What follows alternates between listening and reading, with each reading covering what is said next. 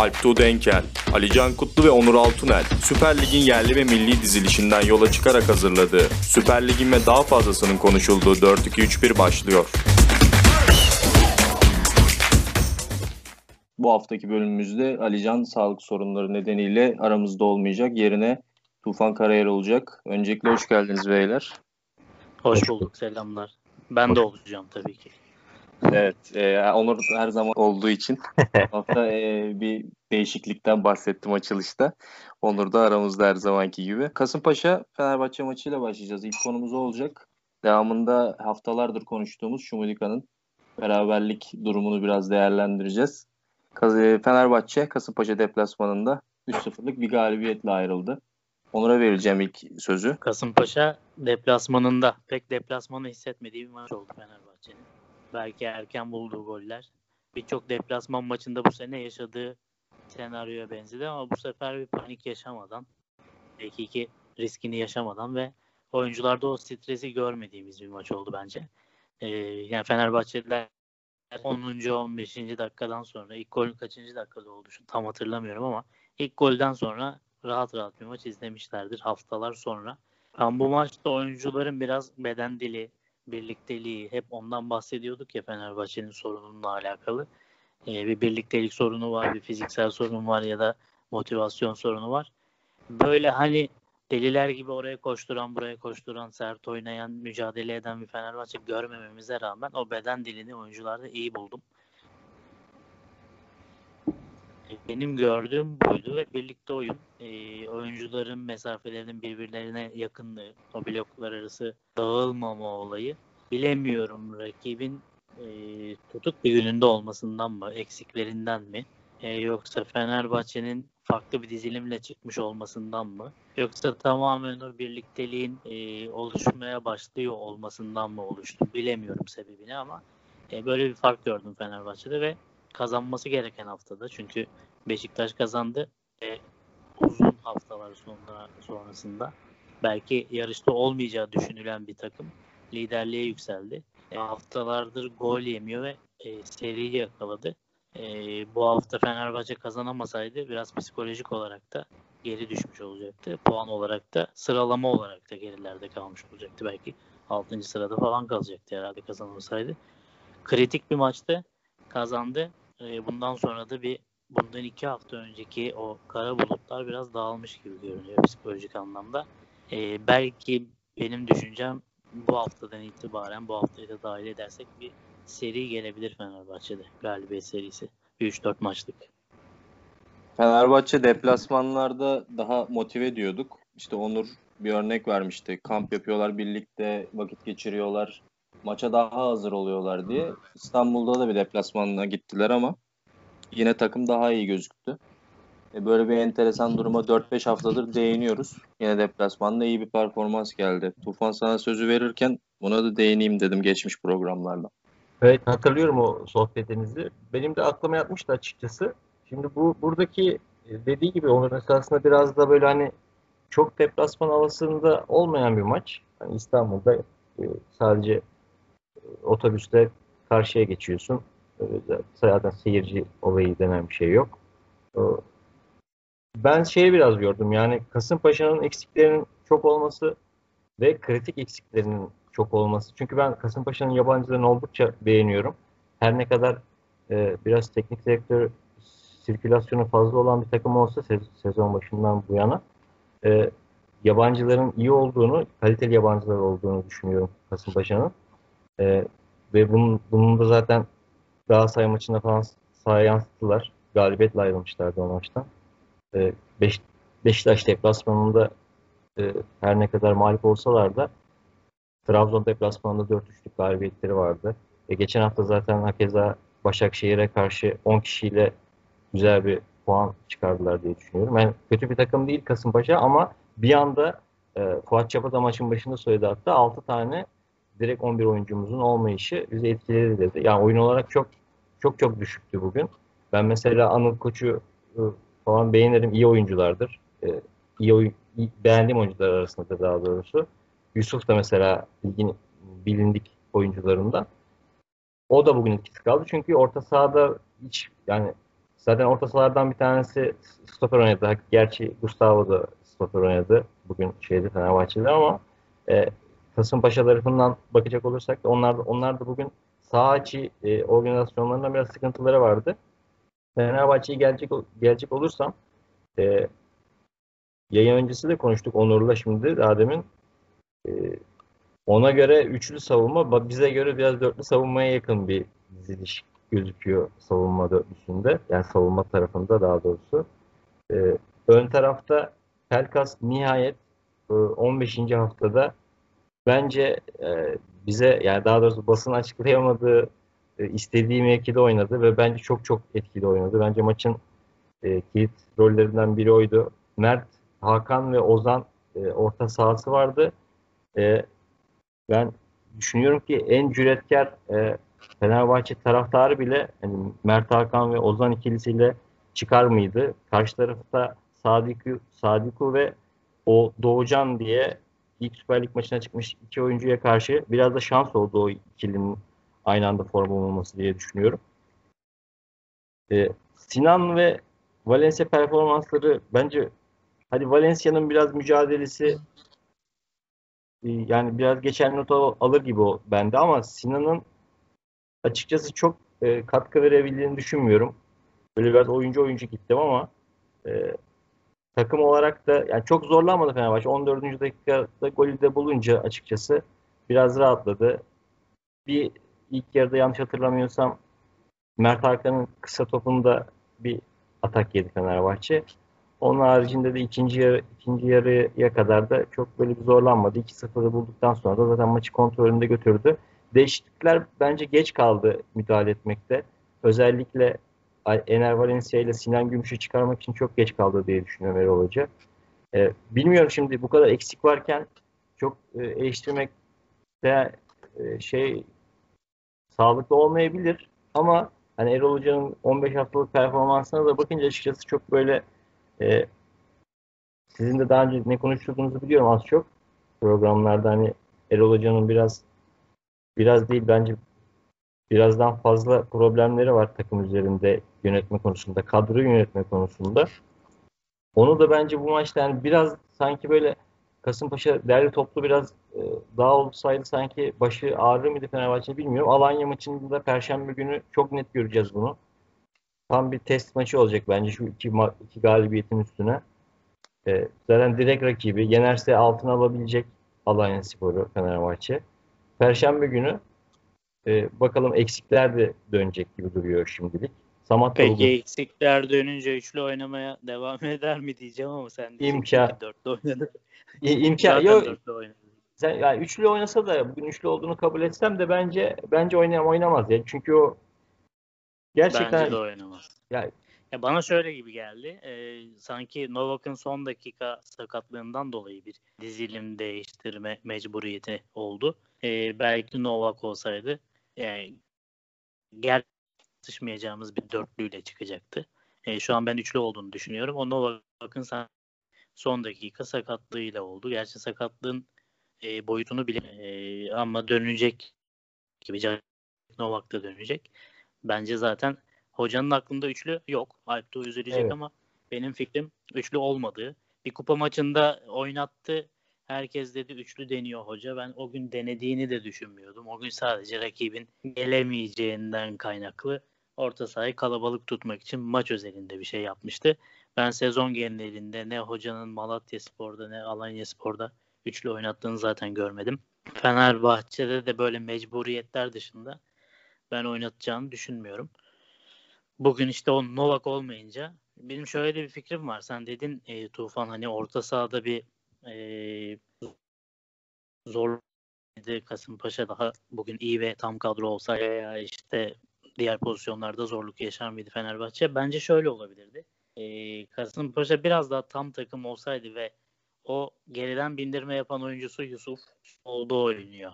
Aksi bir durum olup da sağ beki bindirme yapan bir bek olsaydı bugün Sinan ve arkasında sol stoper Sadık tarafından sorun yaratabilirdi. Ee, Yusuf'un sol bek olması, Kasımpaşa'nın orada bir silah olması ama karşısında Nazım'ı ve sağ stoper Tisserand'ı bulması Fenerbahçe için biraz eşleşme avantajı oldu. Yani Kasımpaşa Spor'un Kasımpaşa'nın Kasımpaşalı olarak Kasımpaşa Spor demem şu an garip oldu. Kasımpaşa'nın eee silahının Fenerbahçe'nin de önlem alabileceği tarafta olması Fenerbahçe'nin şansınaydı bence. Bence şey Sadık'ı oraya yerleştirmesinin amacı da oydu. Çünkü o Hadergonay Yusuf hattını ya da işte onun Hadergonay'ın önünde oynatacağı oyuncunun hattını biraz tıkat, tıkamayı düşündü bence Erol Hoca. Yani Sadık tercihini de bence ben biraz ondan yoruyorum. Sen şimdi üçlü diyorsun. Çünkü Hı hı. işte üçlü yani Sadık zaten bindirme yaptı ama işte bindirme cılız bindirmelerdi onlar. Zaten o orta bile yapmadı diye hatırlıyorum ben maç boyunca. İki kere bindi böyle bir taç çizgisinin oralarda gözüktü ama bir şey yapmadı. Yani Sadık oraya esasında kesici stoper, işte kesici bek yani savunmacı bek hatta tam FM dilinde olsun savunmacı bek gibisinden e, yerleştirilmiş gibi duruyordu. Dediğin gibi işte o biraz daha belki bir de zaten yani orta sahada e, hani Kasımpaşa adına oyunu böyle tansiyonunu belirleyecek adam falan yani hiç hiç kimse yoktu yani alan vardı, Sadık'ı vardı, Doğucan vardı. Doğucan ilk Süper Lig maçına çıktı dediğim gibi işte daha değil mi? Yani ha, Hayradinoviç'in olmayışı işte e, geçen hafta iki hafta önce galiba sakatlanan e, çocuğun çapraz bağları koptu galiba şimdi adını unuttum. Yayından önce şey Fuat Çaba söyledi. E, Tarkan serbest. Ondan sonra onlar aynen onlar Ya, gidince yok.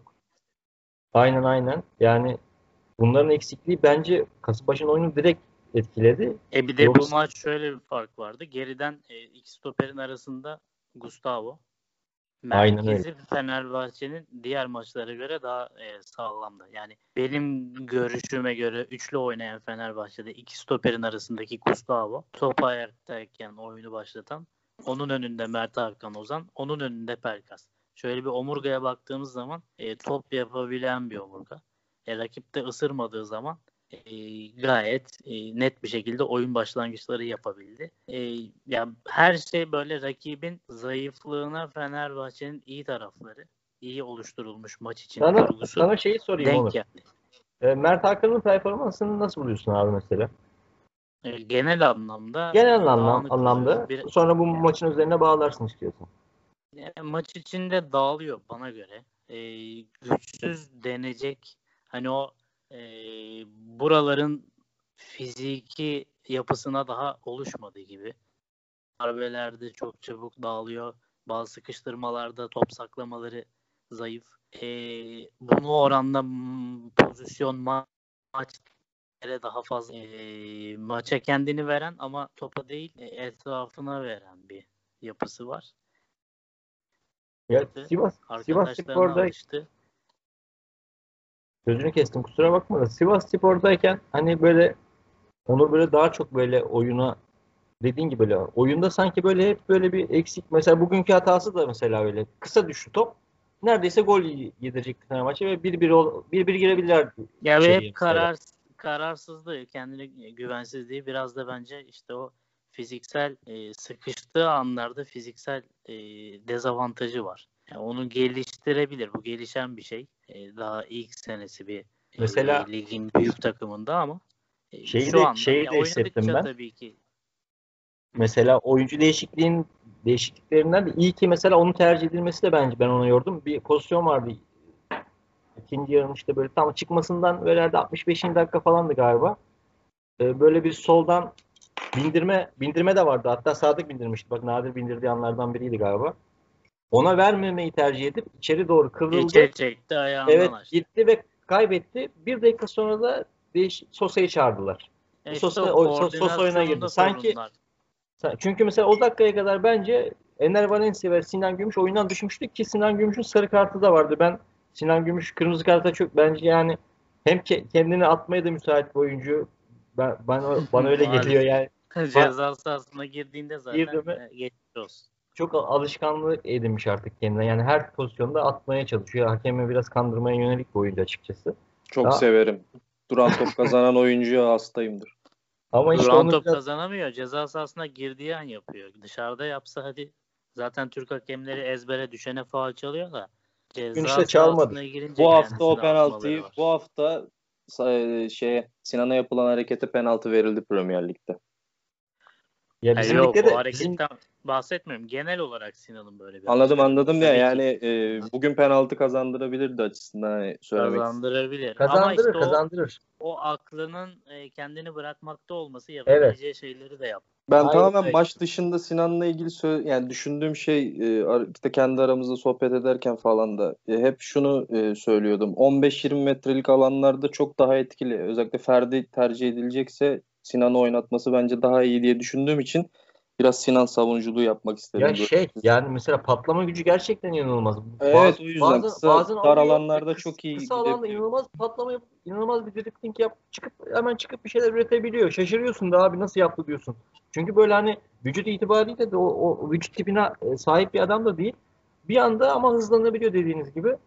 Ama biraz işte onu kendini kolay bırakma özelliğinden biraz uzak durması lazım gibi düşünüyorum ben.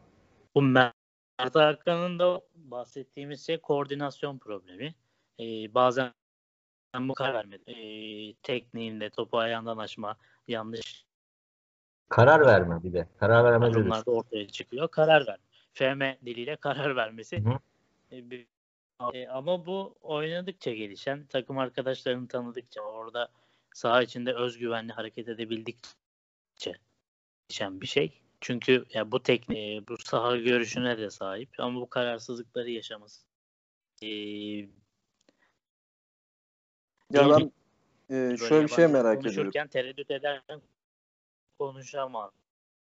başlarsın. E, futbol da böyle.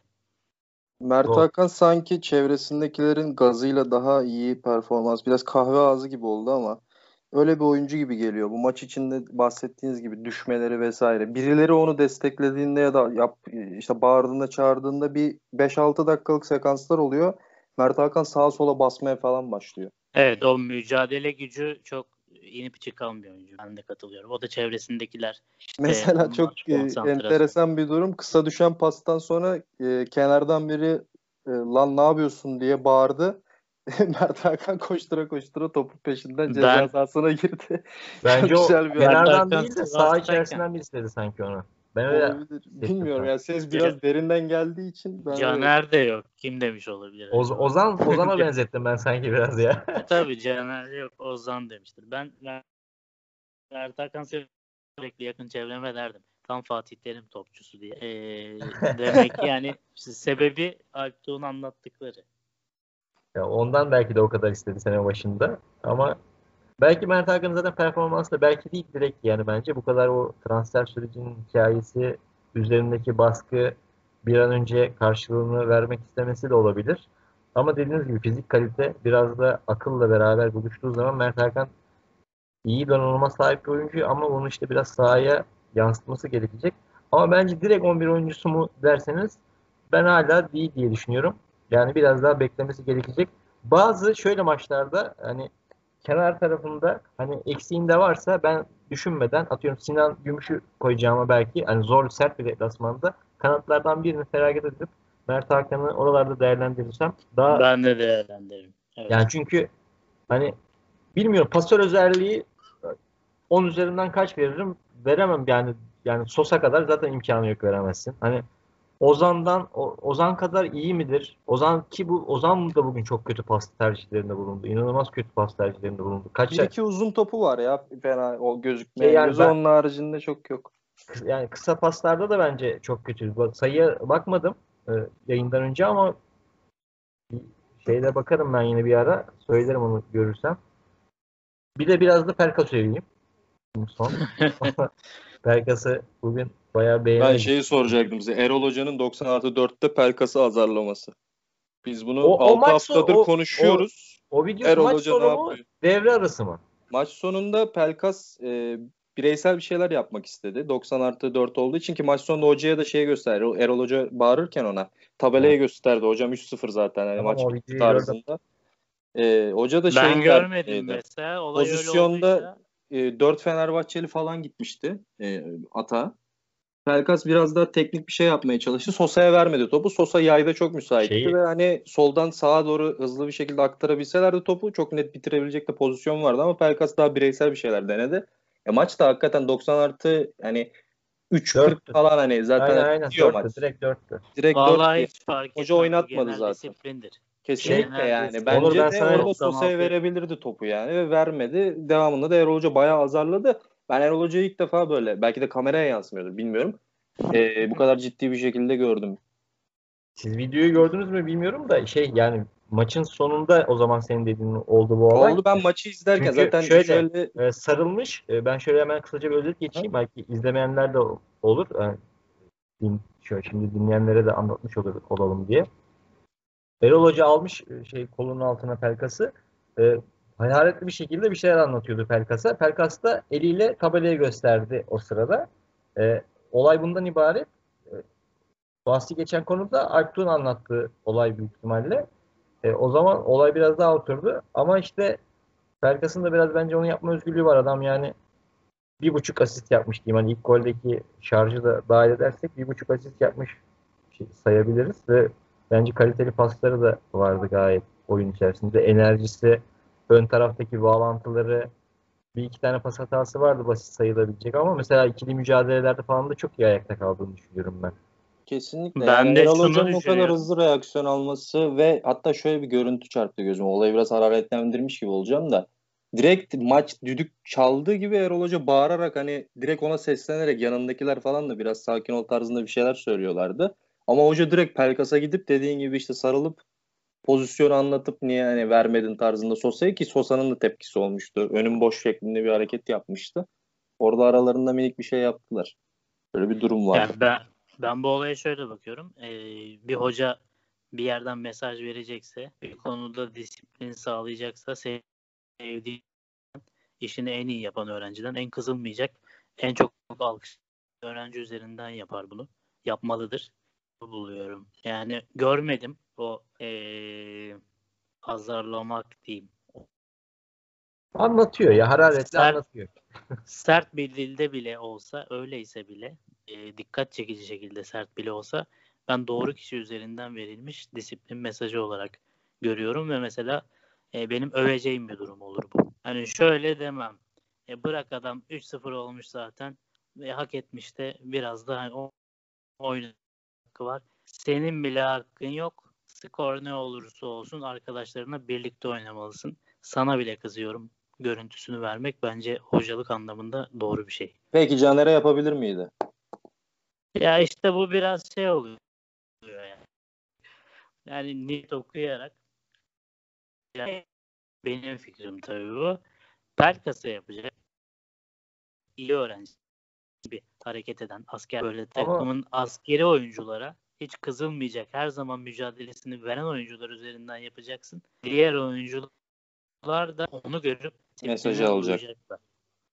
Caner zaten bunu oradan aldı mesajda benim yani yönetme anlayışım bu. He, Caner yaparsa hiç muhatap olmam. Ben hocaysam, Pelkas üzerinden yapıyorsam bunu.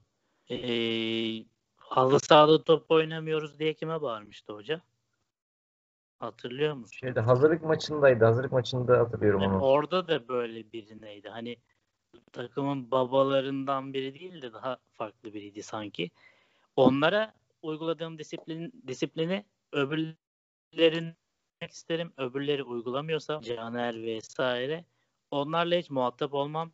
Direkt yedek bırakma şeklinde bir yaptırımım olur. Bence ben- Erol, Erol Bulut yaklaşım öyle. Büyük ihtimalle dediğin gibi ben de öyle algılarım ama işte Pelkas hani hep oyundan çıkardığı için hani biraz bu konuşulmaya başlanmıştı ya. Hani belki bugün de Pelkas beklenen yani beklenenin daha da üstünde bir performans verdi diyebilirim. Hani yani muhteşem oynamadı ama gerçekten Murat'a Murat'a bağırmış bu arada. Evet evet. ha, şeyde mi? Ha, o hazırlık maçında olabilir. Yok Olabilir. yok antrenmanda geriye pas verdiği için halı sahada top oynamıyoruz. Geri pas verme tarzı bir şey Evet. Ha, doğru. Orada çıtayı arşa çekti sonra zaten olaylar farklı noktalara geldi bence.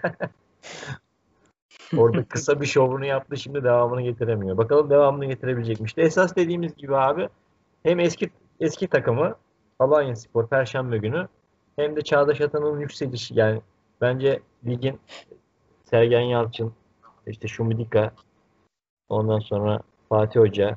Bunlarla beraber bence antrenör e, takımı olduğunu hissettirebildiği nadir takımlardan biri. Onunla göreceğiz bakalım. Yani Fenerbahçe mi daha antrenör, antrenör takım dersin Alanya mı? Alanya şu an. Alanya. O yüzden hani şu anda düzene karşı bakalım neler yapabilecek Fenerbahçe. Alanya'da eksik var mı bilmiyorum açıkçası ama bakalım Perşembe akşam akşamki maçı ben merakla bekliyorum açıkçası. Zaman Perşembe eksikten- akşamı Onur sen Gerçek- bağla ben de şeye geçeyim. Eksikten bahsetmişken Beşiktaş'a geçiş yapalım ufak Perşembe ufak. akşamı gerçekten hani herkesin merakla beklemesi gereken bence bir hem Alanya Sporu Beşiktaş acaba e, düşüncelerini ya- yapmak hani Beşiktaş'a karşı uygulayabilecek mi test Alanya. Fenerbahçe bilinmez var. Yani yapmak istediği bir hoca takımı olması beklenen ama kimse o hoca takımını göremedi henüz. Öyle bir takım var. Ee, tam hani çarpışma denir ya şununla şunun çarpışması. Erol Bulut için bence e, iyi bir sahne. Yani tamamen planlı ve başarabildiği planıyla ilerleyen bir takıma karşı bakalım gerçekten planlarını uygulayabilecek mi? Çünkü gerçekten plansız bir Fenerbahçe çıkarsa e, Alanya Spor karşısında dağılır. Dağılacak mı yoksa dengeli bir maç sonunda Fenerbahçe kazanacak mı? E, ben merakla bekliyorum. Çok da fikrim yok açıkçası. Ben de bekliyorum bakalım merakla abi. O zaman eksiklerden bahsetmişken. Eksik Beşiktaş yine kazandı. Kazanmaya devam ediyor. Hoca takımı dediğimiz Beşiktaş. Sergen Hoca'yı burada kah e, üzdük, kah sevindirdik eleştirilerimizle. E, ve takım Abubakar olmadan da Gezal'ı da kaybettiler e, geçen hafta ama yükseliş devam ediyor. E, Tufan'la başlayalım bu sefer Beşiktaş maçında. Ve Beşiktaş'ın şampiyonluk ihtimali de hani bu programda daha önce sormamıştık ona. Hazır yakalamışken de Beşiktaş buradan nerelere götürür olayları. Onu sormuş olalım. Tamam başlayayım o zaman. İlk Beşiktaş maç üzerinde başlayayım. Ee, dediğin gibi ön taraf biraz eksikti. Ama zaten Kayseri Spor'da hani böyle fark, yani bambaşka bir planla çıkmıyor. Herhalde şey maçını mı izlediler daha önce bilmiyorum. Hani Galatasaray Antalya Spor maçını izleyip bir cesaret mi geldi Samet Aybaba'ya? Ben de 90 dakika savunurum mu dedi kendi kendine bilmiyorum. Hani dedi ki herhalde ben topu vereyim Beşiktaş'a. Onlar üstüne gelsin gelsin gelsin. 12. dakikada penaltı oldu. Bir de penaltı çıkınca penaltı kurtarınca 18 yaşındaki kaleci Doğan bir de penaltı kurtardı. Bu, arada Doğan içinde bayağı bir e, beklenti içerisinde olun, olan bir kitle var. E, yani bu maç özelinde söylemiyorum bunu. Bu maçtan önce de e, ben ismini duymuştum Doğan Doğan'ın 2002 doğumlu. E, iyi bir kaleci olacağı söyleniyor. İnşallah da olur bu arada. Onu da söylemiş olalım. Onu da boş geçmeyelim. Penaltı kurtarılınca e, daha böyle bir iştahlı savunmaya başladı Kayseri. Sonra biraz oyuna ortak oldu. Oyuna ortak olduktan sonra da bir, yıl, bir iki tane atak e, şansı bul, bul, bulur gibi oldu. Lennon üzerinden özellikle bir şeyler bulmaya çalıştılar. Eski Lennon olsa belki şey olabilirdi. Bu arada Lennon'u da bir parantez açayım. Benim CM0304'ten eski öğrencimdir kendisi. Çok severim onu da. Keşke onu biraz da burada canlı gözle izleyebilme şansımız da olsaydı. Sorutlarda ama bakalım neyse ikinci yarıya belki kısmet diyeyim ona da. Bu Lennon Fenerbahçe'de oynar bu arada. O, o kadar değil, o kadar değil de diyor. Abartıyorum da. Çünkü bayağı bayağı bir kaybetmiş ya şeyinden. e, o eski hızından, süratinden bir bayağı bir eksilmiş. Neyse onlarla bir atak bulmaya çalıştılar ama bir şey üretemediler. Kanga ile böyle hani topu ileride atalım, orada tutalım falan filan diye düşündüler, hayal etmiş Samet Aybaba. Ama işler onların istediği gitmedi. İkinci yarıda da Beşiktaş böyle ağam şahım bir baskı da kurmadı açıkçası.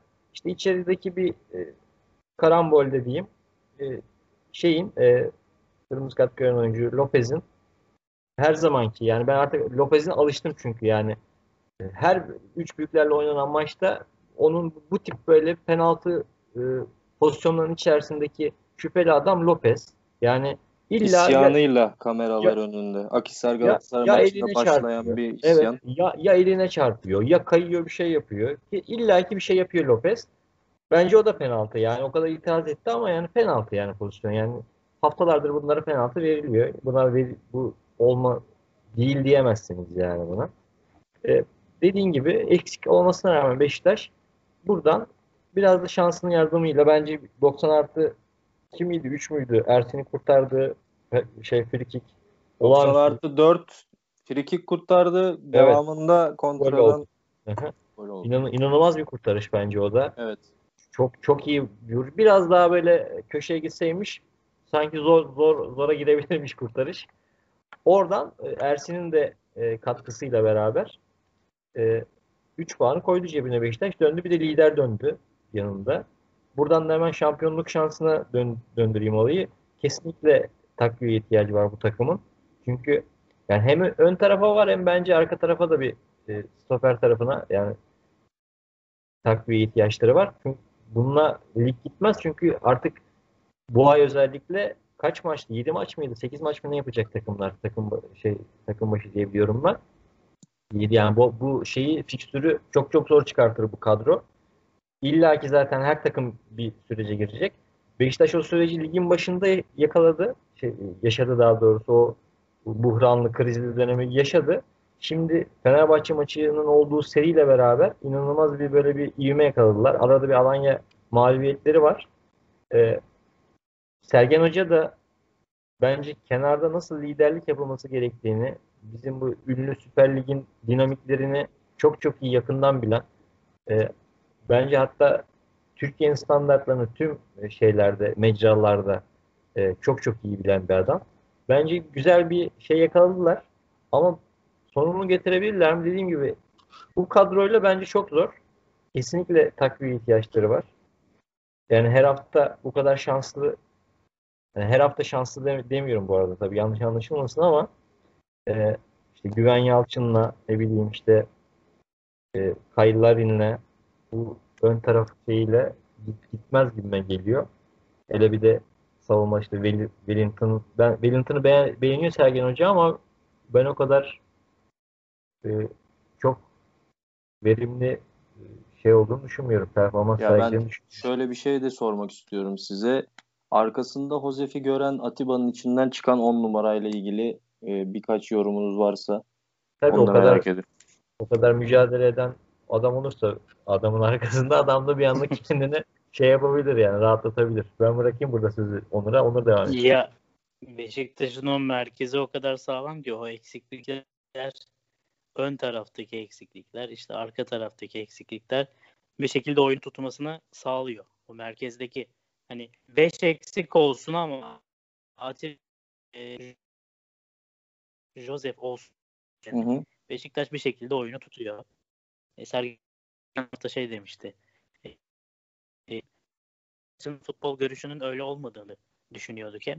Bence Beşiktaş'ın başında kendisi futbol görüşünü de biraz güncelliyor. Ee, şaşırdım onu duyduğuma. Sevindim de aynı zamanda. Büyük takımları Türkiye Ligi'nde ilk önce gol yemeyecek. Yani gol yemezsen bir şekilde kazanırsın. Bizim yapmaya çalıştığımız buradaki dedi e, şifre iyi savunma yapmak. Gerisi sorunu kendisi benimsemiş. Takıma da benimsetmiş. Biraz da takımı öyle kurdular. E o zaman biz Ön Aykut tarafta... Kocaman'ın hakkını yemişiz yıllardır. e, işte o biraz şey. Zaten hakkını yedik de e, biraz da sunum. Yani nasıl sunduğunla alakalı. Kazanırken Kazan ya kazan, kazanan adam haklıdır her zaman ya. Kazanırken bunları ifade edebilirsen iyi bir şekilde ve kurduğun cümleler de önemli. Aykut Kocaman'ın biraz kendini anlatma problemi de vardı. E, kitlesi de farklı. Fenerbahçe farklı. E, bir, biraz da düşüncelerinin PR'ını yapmakta Aykut Hoca. E, Sergen Hoca bunu iyi yapıyor. Kazanırken bunu söylediği zaman kimsenin sesi çıkmıyor. Ama tabii ki Beşiktaş kötü gitmeye başlarlarsa başlarsa e, Sergen Yalçın'a da bu eleştiriler yap. Ama şu andaki e, seri galibiyetlerin ki gol yemeden gelen galibiyetlerin şifresi kendisi böyle açıkladı. Bence de Beşiktaş'ın şu anki liderliğinin şifresi bu. Ama dediğin gibi şampiyonluktan bahsediyor.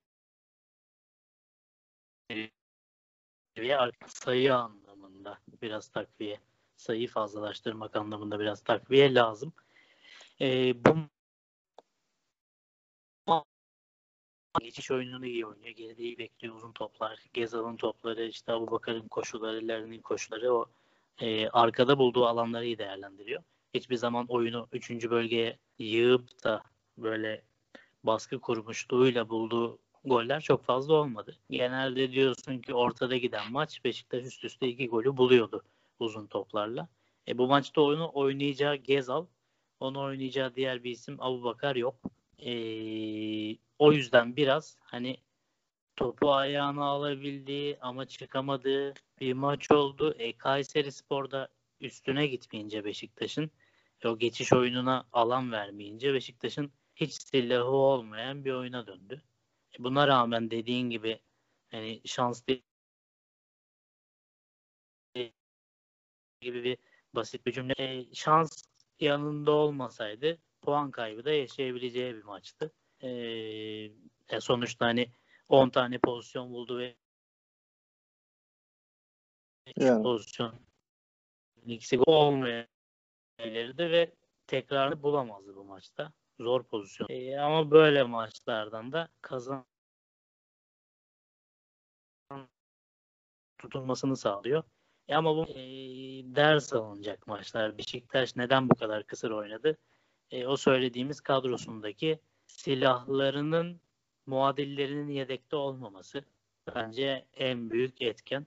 E, orayı biraz çeşitlendirirse devre arasındaki bütçe açabilecekler mi bilmiyorum.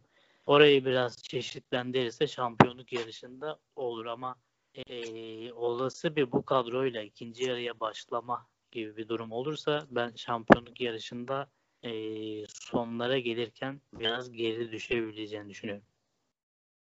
Aynen katılıyorum ben de. Beşiktaş'a Son bir 330 şey daha söyleyeyim. Evet dinliyorum. Şey mesela şimdi Onur söyleyince bakayım dedim. Toplu oynaması %72'ymiş Beşiktaş'ın.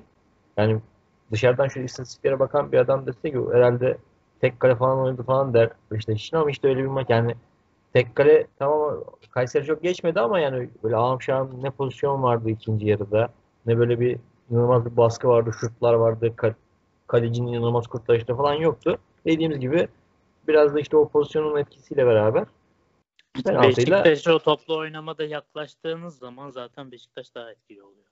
Evet evet doğru diyorsun. Topu topu zaten bırakmak bırakmak istiyor Sergen Hoca karşı tarafa. Bırak bırakıyor ama bakalım ne yapsınlar.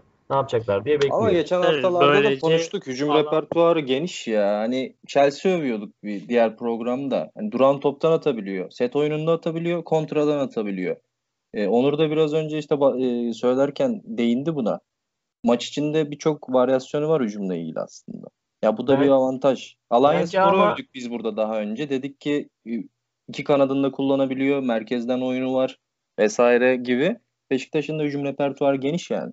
Ben elindeki oyuncu şu anki oyuncu e, kadrosuna baktığım zaman en e, ideal oyunun geçiş oyunu olduğunu düşünüyorum. Yani hızlı hızlı kenar oyuncuları, beki hatta hızlı diyebiliriz. Hem Rıdvan için de söyleyebilirim bunu. Geç son, son hafta en sakal oynadı ama hem Rıdvan hem Rozier ikisi de oyunun iki yönünde iyi oynayabilen oyuncular, ayaklarına hakim oyuncular. E, Larin ve Abubakar da öyle. Yani savunma Evet, yani- arkasına düşecek toplara koşacak adamlar. Yani esas ana ana oyun planı zaten bu zaten Fenerbahçe'yi de böyle vurdu. İşte ne bileyim e, ondan sonraki Başakşehir ondan önceki Başakşehir maçının da zaten bir anda üst üste bulduğu gollerle geçmişti. Kas Kasımpaşa maçını böyle geçtiler. Yani Mesela ligde geçiş oyununu sana oynatmayacak kadar Gaziantep'le Beşiktaş oynadı mı? Net Oynadı, hatırlayamıyorum. Gaziantep yendi. 3-1. Şey, değil mi? e, kaleci kaleci kırmızı kart görmüştü ya. Beşiktaş'ın zorlanacağı takımlar Gaziantep gibi oynayabilen takımlar. O da çıkmayacak. Kayseri o kadar zayıf kadrosu olmasına rağmen hiç çıkmadı. Beşiktaş'ın es- eksiklikleri de vardı. E, sonuç olarak Beşiktaş'ın oynayamadığını gördük. Beşiktaş'a bunu yapabilen takımlar Beşiktaş'tan puan alabilirler ama Doğru. bunu yapabilen takım da az. Yani Hatay olabilir. İyi yapıyor. Hatay'la oynayacaklar. Galiba bu arada da değil hafta sonu oynayacaklar galiba. Geçen fikstürlerine baktım onların. Hatay'la bir test maçı yapacaklar. Zaten Hatay maçları test maçı gibi ben böyle bir şey yaptım. Böyle fikstürlere böyle göz gezdirmeyi seviyorum arada Ben sırada. Konya ve Ankara deplasmanlarında ilgimi Bir de zaten takımların 2-3 hafta sonraları zaten Galatasaray'la maçları var. Zaten Beşiktaş maçı da yani Beşiktaş Galatasaray derbisi de böyle bir e, biraz final niteliğinde bir test maçı olacak. Yani sezonun akıbetini belirleyecek şey olacak. Hatta zaten transfer döneminin de sonuna doğru bir maç olmuş olacak. O zamana kadar eksik gedikte görürler diye düşünüyorum. Ona göre hamlelerini yapacaklarsa da yaparlar. Gerçi e, ekonomik anlamda biraz sıkıntılı bir süreç yaşıyor Beşiktaş ama bilmiyorum. yapabilecek. 38 milyon açıklanmış harcama limiti. Harcama Ama o- limitinde de üçüncü olmuştur. Acaba şey mi acaba? İşte o şimdi limitlerin içerisinde bir de şöyle var, şöyle bir şey var ya. Hani takımın şu anki e, harcadığı işte takımın halihazırdaki maaş bütçesi falan filan da dahil o işin içine. Olabilir. Hani direkt, direkt 138 harcayacaklar diye bir şey yok. Yani onun içine düşecek şey Bu %15 Evet. sapma payıyla 338 bu arada. Zaten e, maaşlardır, zırttır, pırttır sapma payını hesaplayınca düşebilir gittikçe. Bir Doğru. de tabii orada büyük soru işareti bence Adem Laiç'ten yararlanamaması Beşiktaş'ın. Yani Adem'in ne olacağı belli değil. Yani gidecek mi kalacak mı? Gitse mesela maaş bütçesinde inanılmaz bir yer açılır onlara. Acaba oradan Yani bir- Adem Laiç, İsim Atmir'in e, Jormen Lens üçlüsünden biri ya evet. da ikisi giderse Beşiktaş e, bir Hamle yapar. stoper artı ön tarafa iki oyuncu alabilir bence. Aynen öyle, aynen öyle. Yani yerli alabilir mi? Bilmiyorum. Sizin aklınıza gelen var mı? Ay, Dışarıdan da kimi getirecekler? Bütçesi dahilinde Yerli bilmiyorum. alırsa anca e, free. İşte free'lerden de kim kaldı acaba? Yani en az en az ihtiyacı olmayan pozisyon herhalde merkez orta saha. Mehmet Ekici var. Merkez orta saha deyince free. Mehmet Ekici ne yapıyor? En son Türk gücünde ismi çıkmıştı bilmiyorum. Muhammed Demir 7,5 milyon euroya hayırlı olsun Beşiktaş'a o zaman. Ee, Galatasaray'a geçelim buradan. Galatasaray 0-0 Antalya ile berabere kaldı. Yine yükselişe geçen bir ekibimizdi Galatasaray. Son dönemde e, Alican Galatasaray'ın yükselen performansı ile ilgili ve Arda Turan'la ilgili çok bahsediyordu ama bu sefer golsüz bir maç çıktı or- ortaya. Arada Turan yok, Ali Can Kutlu yok. Öyle oldu. ya Antalyaspor öyle bir yerden geldi ki bu maça. Yani maç öncesi konuştuğum herkes şey diyordu. Antalyaspor bir şekilde hani gol yiyene kadar e, Vatan Millet Sakarya savunma yapacak. E, gol de yemeyince bütün maç öyle geçti. Maç boyunca Antalya'nın hani Galatasaray 10 kişi kaldıktan sonra bile hücum yapmaya niyeti yoktu. E, eleştirmiyorum. E, öyle bir maçtan sonra. Evet. Hocanız yeni sayılır. İşte ikinci, üçüncü haftasında böyle bir mağlubiyet gelmiş iç sahada. Sonra da üstüne Galatasaray'a gidiyorsun. Hani tabiri caizse tatsızlık çıkmasın da dönelim maçıydı Antalya için. Çok normal karşıladığım bir oyun. Ama hani bu oyunu oynayacağım deyip de oynatamayabilirsin tabii ki. Ee, bunu da oynayabilen bir Antalya gördük. E, Galatasaray'ı kitlemiş oldu. Galatasaray'ın da santrfor sorunu. Cagney'in muhtemelen disiplin sebebiyle oynatılmadığı yedekteydi. Hani maç öncesi ben işte sağa sola kadro yaparken Cagney'i yazmıyordum. Herhalde dedim hani Fatih Terim'in takımı. Yılbaşı için Jackne 18 dışı bu arada. Jackne 18'de de yoktu. yok muydu? Ha, yoktu. Ha. O zaman e, bir cezası bir şey yoktu bildiğim kadarıyla. Yoktu o Sakarya. şey muhabbeti herhalde O dediğin gibi. İzin O- alıp da gezdi tozdu diye.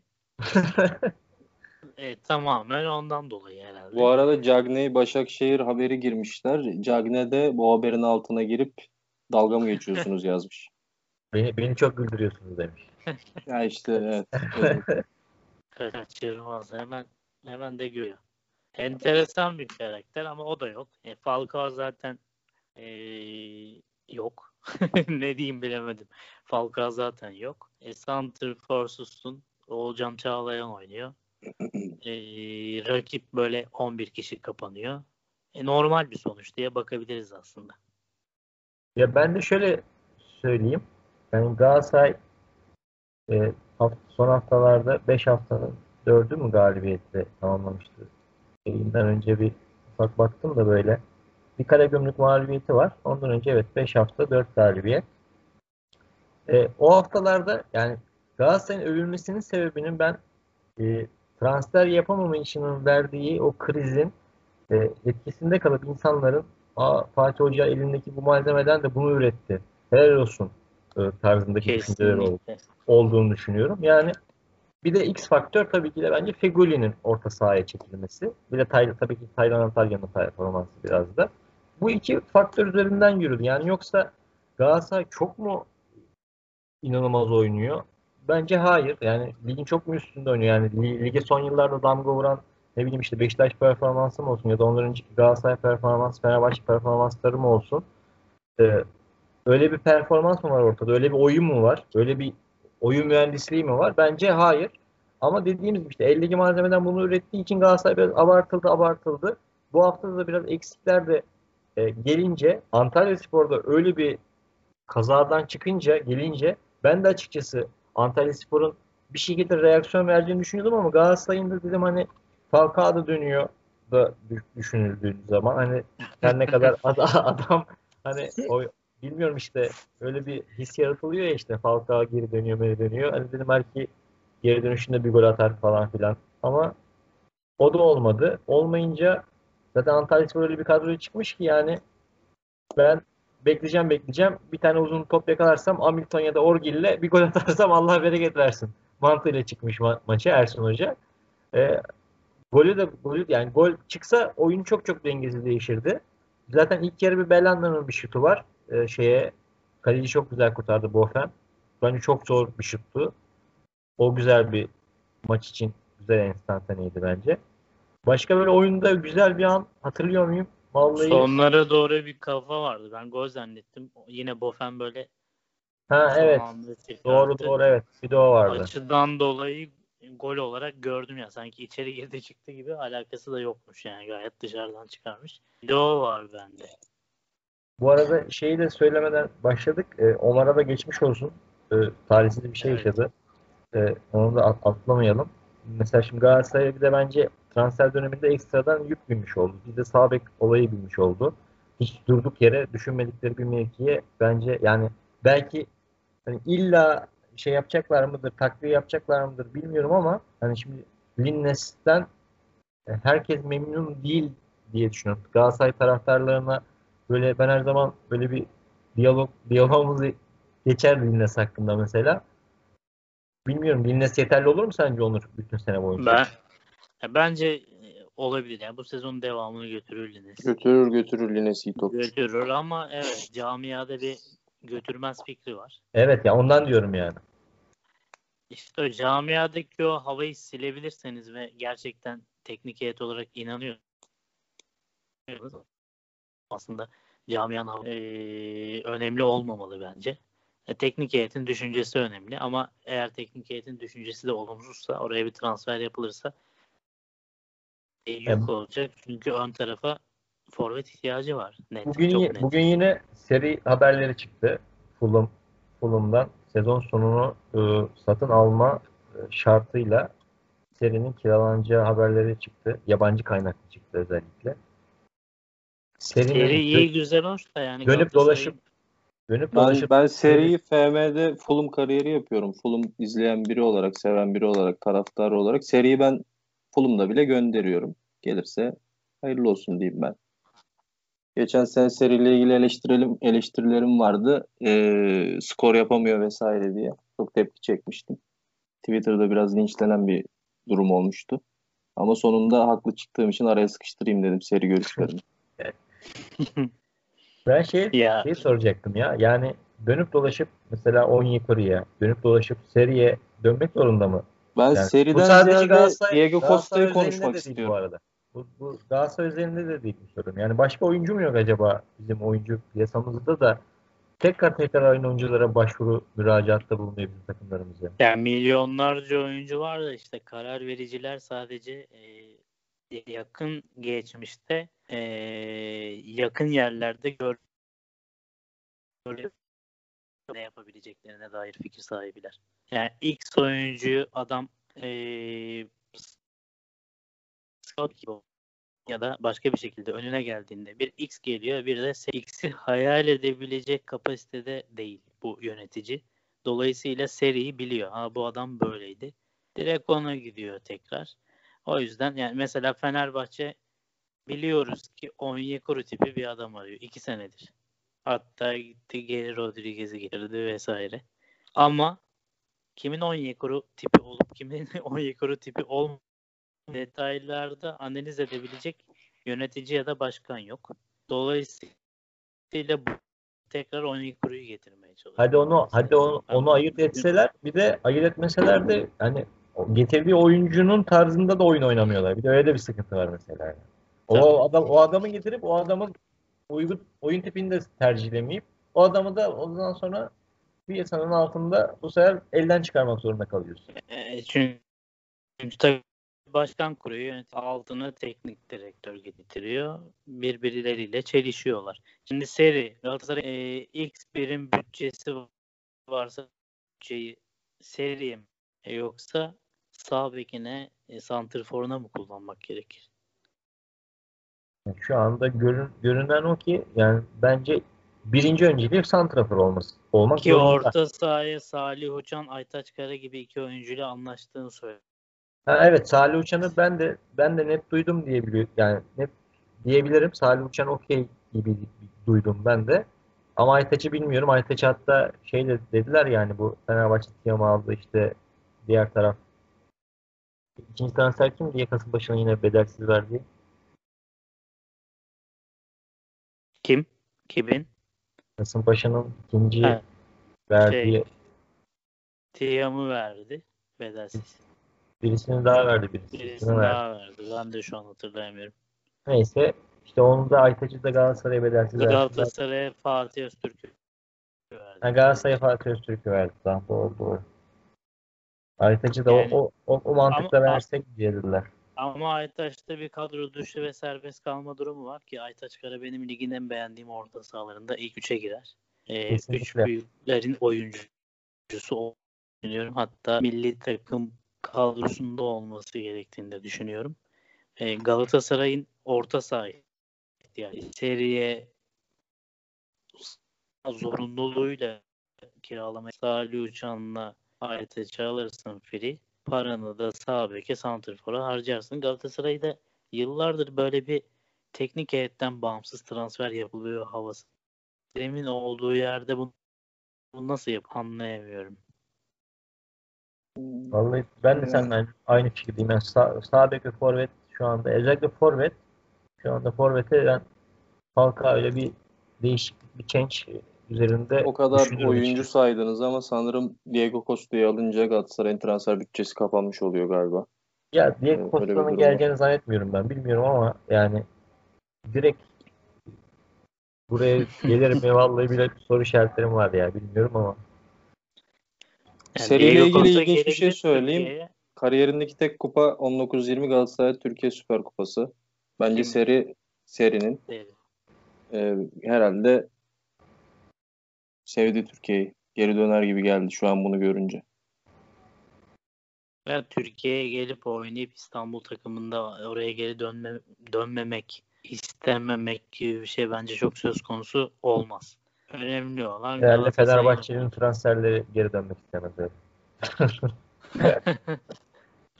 Ya onlar da şöyle Fenerbahçe'de kariyerini geçirmiş birçok oyuncu bir şekilde Türkiye'ye dönmek. Sonuçta Giuliano Başakşehir'de İstanbul'da oynuyor. Josef de Souza Beşiktaş'ta İstanbul'da oynuyor.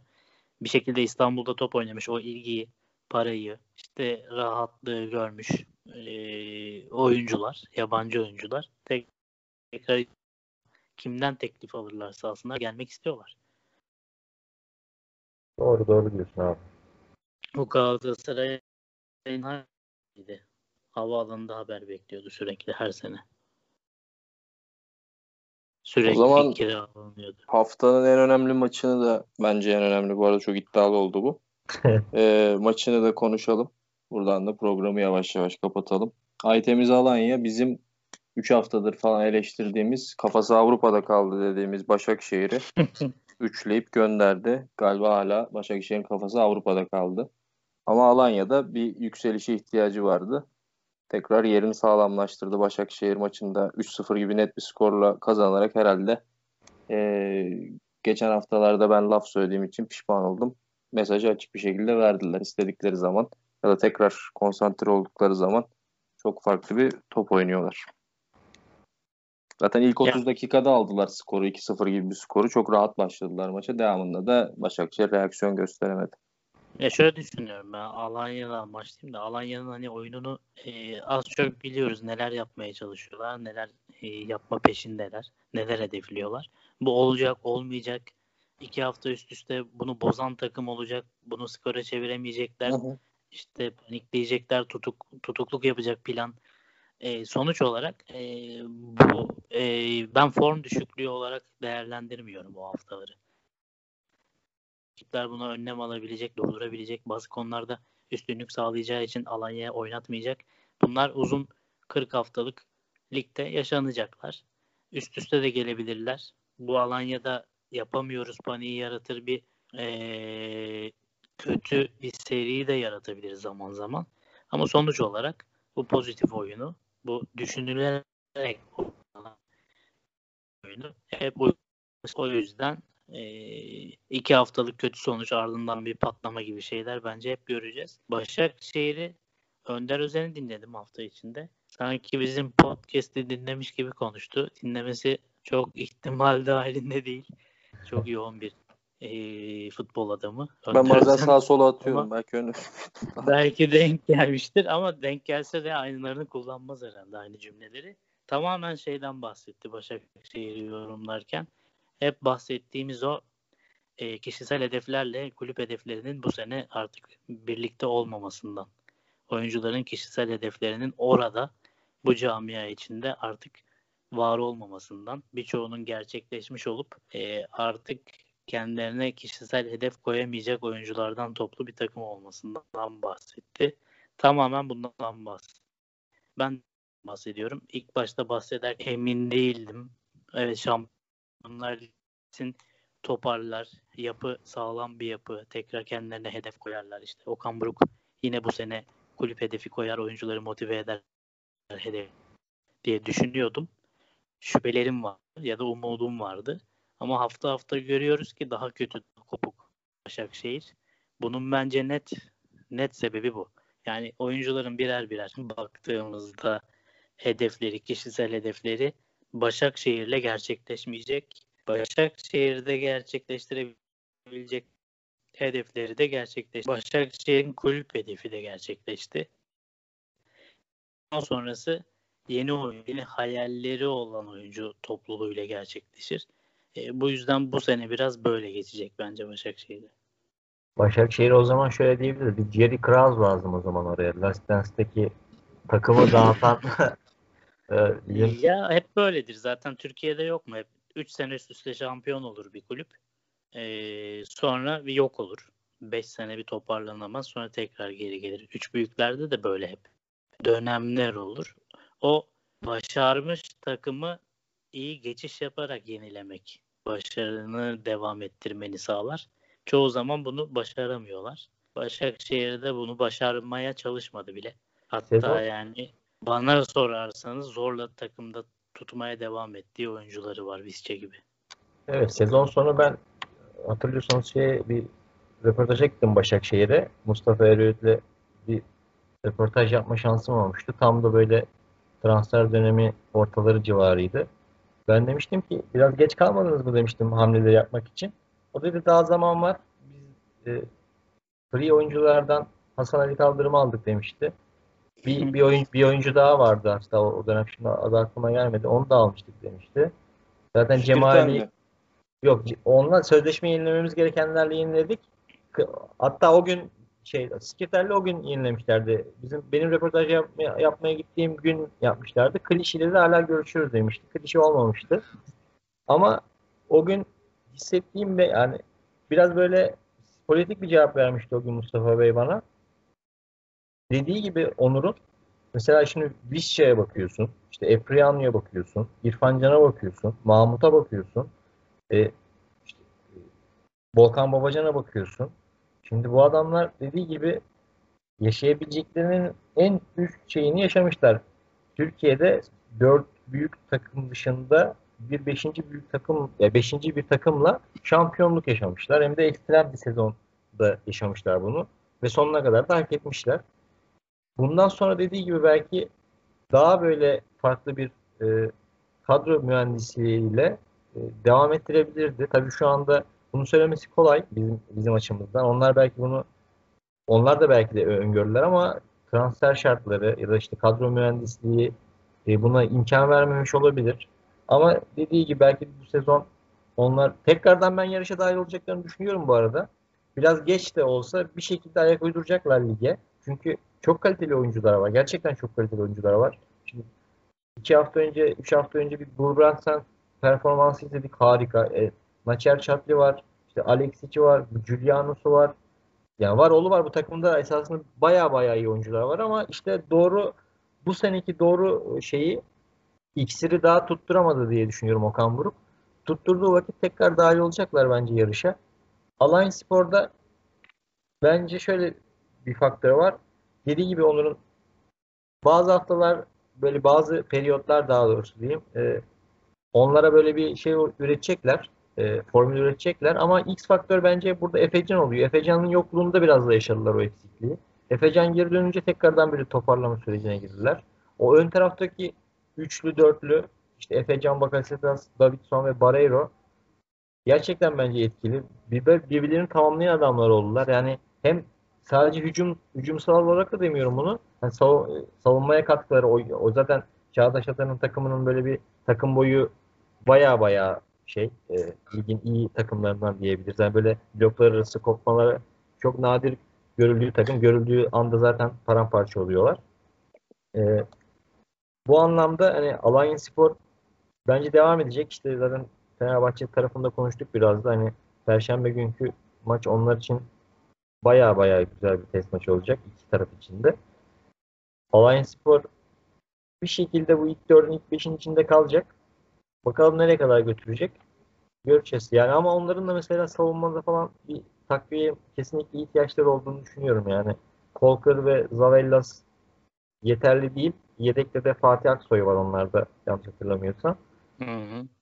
Ee, hani ikisi iki o tandem bozulduğu zaman ya da işte ön taraftaki o Siyapos'un yanındaki Siyopis'in yanındaki partner hep değişiyor bu aralar. Salih Uçan da gittiğini varsayarsak kim gelecek acaba oraya? Ya da şey aldılar diye biliyorum ben. Hasan Hüseyin Acar'ı aldılar galiba geçen hafta içinde. Evet. zaten yani- Belki o, o orayı öyle tamamlayacaklar.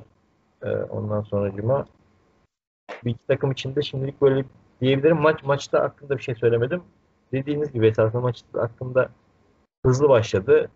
Çabuk çabuk fişi çekti Başakşehir'in. Başakşehir'de biraz rotasyonlu kadroyla çıkmış.